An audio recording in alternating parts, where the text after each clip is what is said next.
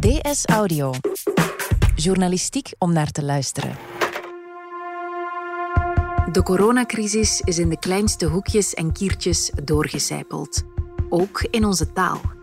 Naast Skyperitiefje, quarantainekilo's en covidioot komen we met lockdown, pre-teaching en flattening the curve terecht bij opvallend veel Engels.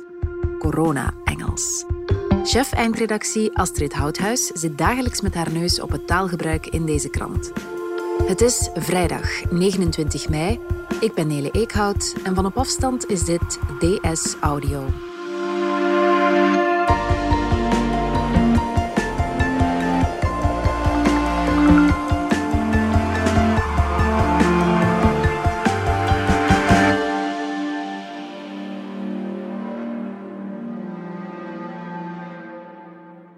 Houthuis, chef eindredactie bij De Standaard. Soms krijg ik een mailtje van jou en in het onderwerp staat dan in strenge hoofdletters taaltip.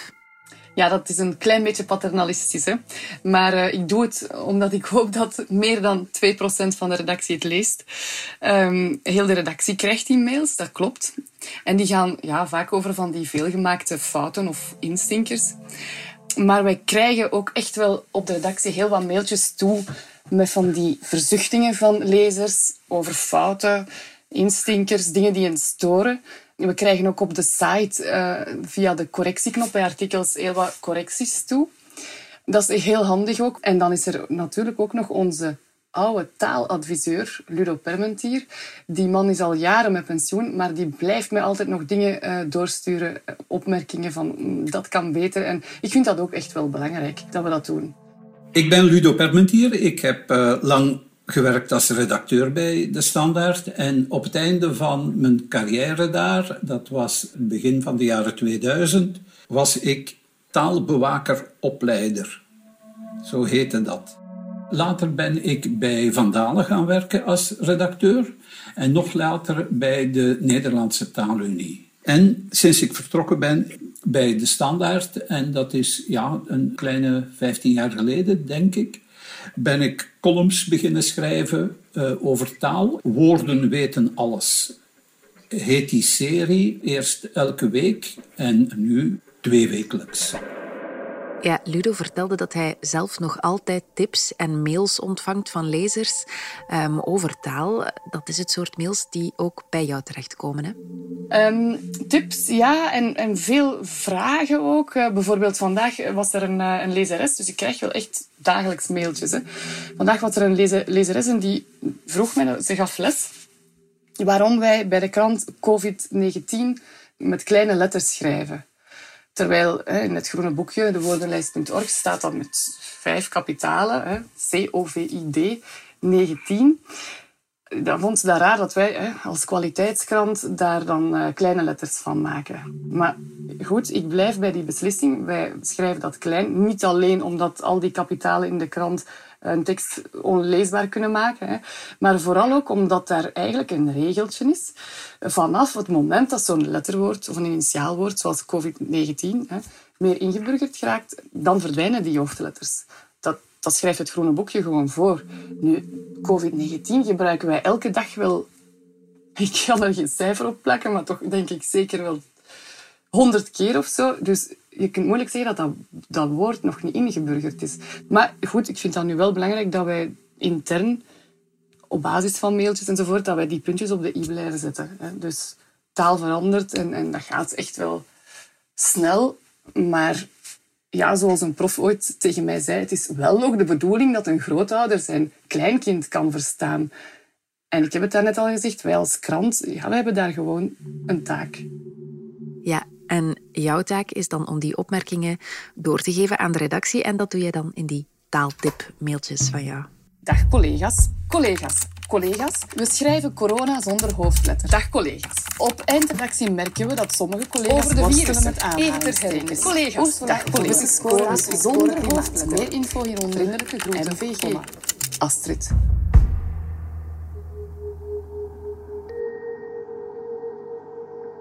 Ja, Astrid, veel gevoeligheden, maar een heel gevoelig punt is het Engels. Ja, echt, echt wel. Ik denk dat ik toch wel elke week eens een mailtje krijg van iemand die zich uh, stoort aan al dat Engels. De redenen die aangehaald worden in die mailtjes is dat is, ja, het maakt ons Nederlands kapot. Ze vinden dat we lui zijn als journalisten en dat we niet creatief genoeg een uh, alternatief kunnen bedenken in het Nederlands. Dus we zijn onbekwaam. Uh, ze vinden dat een teken van het falend onderwijs. Het zijn eigenlijk veel pessimisten die schrijven, maar ik kan ze ook wel ergens echt wel begrijpen. Ik kreeg eind vorig jaar echt een heerlijke bundel uh, van een lezer. Dat was echt magistraal. Dus twee weken lang had die persoon alle Engelse uitdrukkingen en leenwoorden in onze krant bijgehouden. Hè? In het weekblad, in het allemaal. En die kwam echt aan een indrukwekkende lijst. Dus die bundel is 17 bladzijden lang. En goed, daar zat ook veel van dat ingeburgerd Engels bij. Dus ik denk aan scanner, uh, ja, one night stand, showbiz, zo van die gewone, ja, ondertussen Nederlandse woorden, hè, service of een mountainbike of zo. Maar daar zaten toch ook wel van die uitdrukkingen bij waarvan ik dacht, hè, zoals in the long term of much too soon. Ja, daar moet je als journalist of eindredacteur toch van afvragen waarom heb ik hier niet gewoon Nederlands gebruikt? Ja, en Ludo Permentier heeft zelf ook een lijstje. Ik heb een klein lijstje gemaakt. Hè? En dat zijn niet zulke onbegrijpbare dingen, maar nog eens, vraag aan 100 mensen op de markt. Wat betekent het? En ze weten het niet. Een no-brainer. Dat is een no-brainer. Vraag het eens aan de mensen wat dat betekent. Terwijl er zijn prachtige alternatieven. Dat is een vanzelfsprekendheid. Dat is een makkie. Dat kost geen moeite. Dat hoef ik je niet uit te leggen. Dat is een no-brainer. Ik heb er nog een beetje. Business as usual. Dat is allemaal op zich geen ramp dat je dat gebruikt, maar de, gewoon de uitdrukking alles gaat zijn gangetje of we doen gewoon verder. Dat, dat is mooi Nederlands en dat begrijpt iedereen. Een over-de-top drama. Wat betekent precies over de top? Hè? En waarom niet gewoon zeggen dat is overdreven, of dat is te gek, of dat is overtrokken? Kijk, a sense of urgency. Hè? Je kunt daar geen zin mee maken. Hè? Het ontbreekt hen aan een sense of urgency of zoiets. Maar wat voor een draak van een zin is dat? In plaats van te zeggen, ze beseffen niet hoe dringend het is. Ja, de afgelopen weken is er nog veel meer Engels in onze taal geslopen. Lezers hebben dat ook opgemerkt. Astrid, wat is er aan de hand? Ja, uh, zoals iedereen weet, zo'n tiental weken geleden is de coronacrisis uitgebroken. En worden wij niet alleen overspoeld met allerlei tips en tricks om onszelf veilig en uh, gezond te houden, maar ook wel met, uh, met nieuwe termen. En daarvan zijn er heel wat Engelse termen. En die tuimelen uiteraard ook de krant in. En over dat Engels struikelen echt wel wat lezers zijn, dus ook daar weer mailtjes. En eh, ja, voor een groot stuk ook terecht. We zijn gewoon met iets heel nieuws geconfronteerd, hè, maatschappelijk gezien. Een pandemie die we nog nooit, alleen de afgelopen 50 jaar of zo, toch nog nooit uh, gekend hebben. Toch niet op deze schaal. En ja, het is eenvoudig. Maatschappelijke veranderingen die brengen gewoon nieuwe termen met zich mee. En omdat dat nu over een internationale crisis gaat, zit daar ook wel veel internationaals tussen qua termen. Zoals lockdown of flatten the curve. Kijk, het zit zo dat elke keer als er nieuwe behoefte is aan woorden, dan is dat omdat we uh, kennis maken met uh, nieuwe begrippen. En daar hebben we woorden voor nodig. Als die nieuwe begrippen in een ander taalgebied zijn ontstaan, dan nemen we die woorden gewoonlijk over. Zo zijn we aan de spaghetti en de paella gekomen. We moesten daar zelf geen woord voor verzinnen toen we die dingen leerden kennen, want daar was al een woord voor. En die nemen we dus uh, spontaan over, dat is geen enkel probleem. Als we dat niet zouden doen, ja, dan, dan zou op den duur het Nederlands voor een heleboel dingen geen woorden hebben. En dan spreken we van taalverarming. Dat is één zaak dat is uh, nu toegenomen door Engelse begrippen. Waarom? Omdat het wetenschappelijke termen zijn. En de taal van de wetenschap is het Engels uh, op dit ogenblik. Ooit is dat het Frans en het Duits en het Latijn geweest. En toen kregen we woorden uit die andere talen binnen. Dat is nooit een probleem geweest. En het aandeel van die woorden in de gewone woordenschat, dat blijft beperkt. Dus dat is helemaal geen probleem. Geen probleem, maar ja, Astrid, waarom nemen we dat dan zo makkelijk over? Hebben we geen woorden in onze eigen taal? Ik vind dat een goede vraag, want dat gebeurt eigenlijk heel stil en tersluiks en plots. Inderdaad, we hebben niet altijd de woorden paraat staan, dat klopt.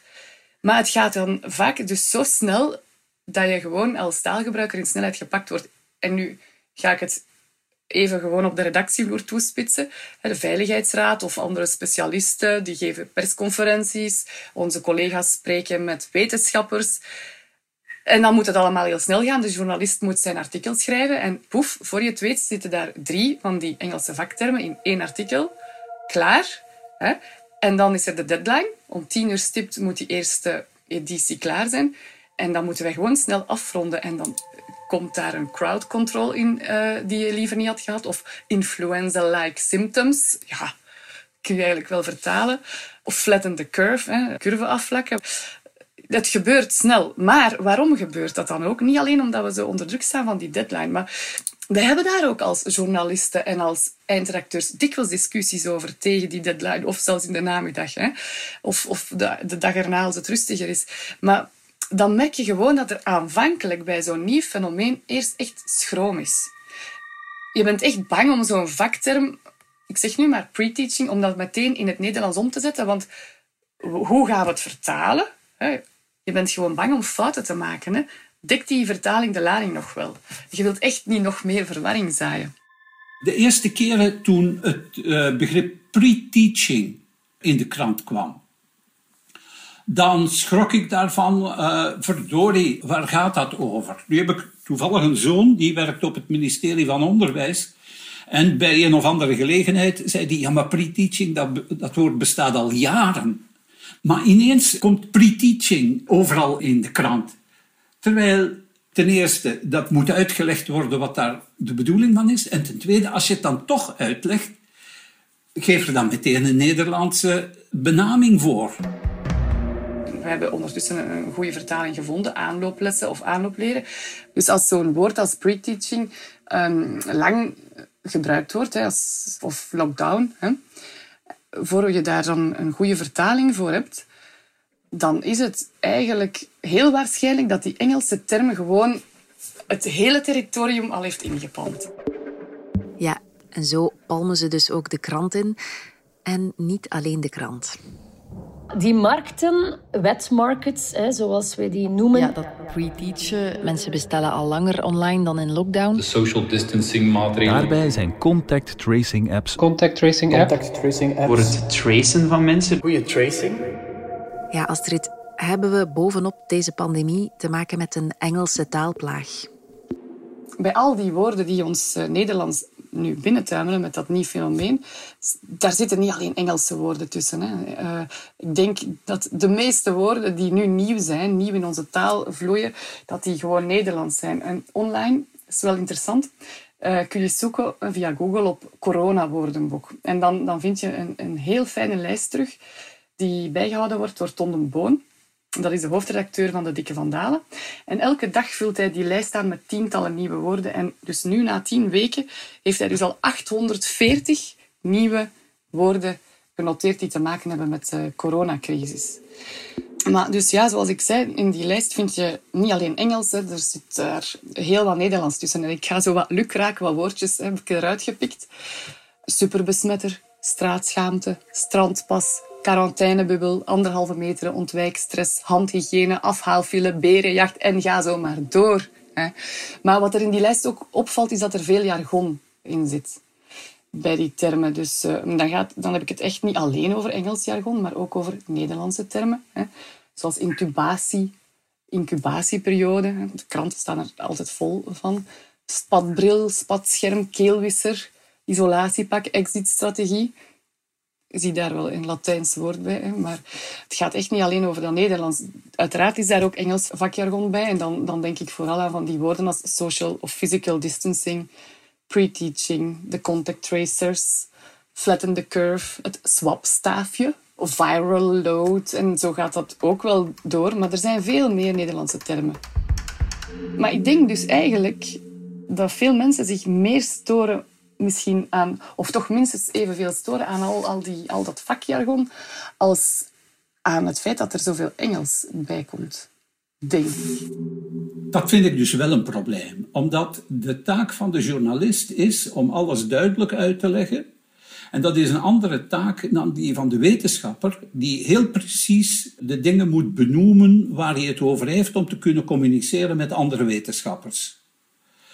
Als in de krant die termen zomaar overgenomen worden, dikwijls worden die dan verkeerd gebruikt, dat is één. En ten tweede, de lezer begrijpt dat niet zomaar.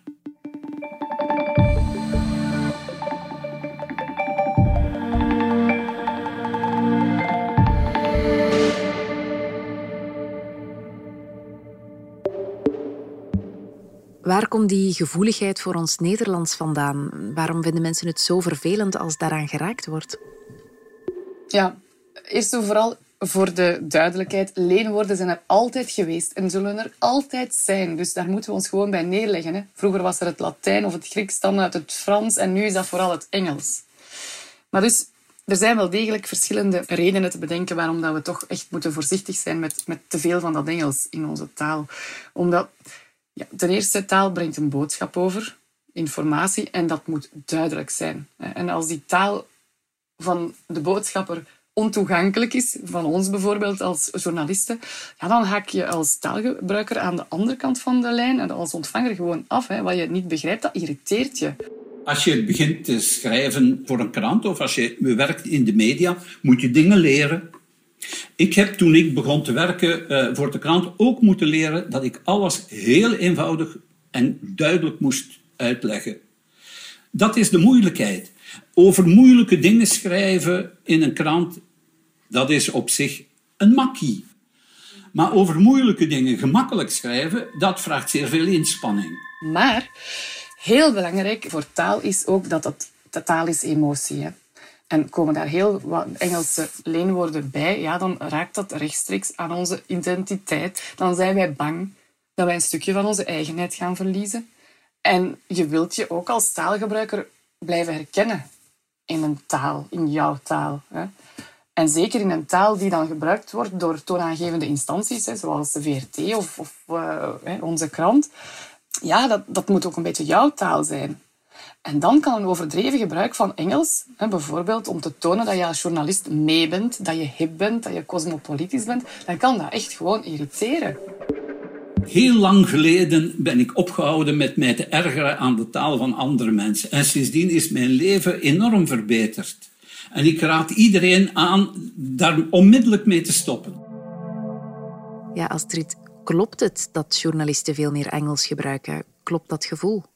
Nu, ik zelf zou denken van wel, maar ik heb daar totaal geen, geen idee over. Uh, maar Ton de Moon, die man van Van Dalen, hè, die is 30 jaar geleden begonnen met, met woordenboeken maken. En ergens las ik dat toen hij begon, toen, toen is hij ook begonnen met Engelse woorden tellen.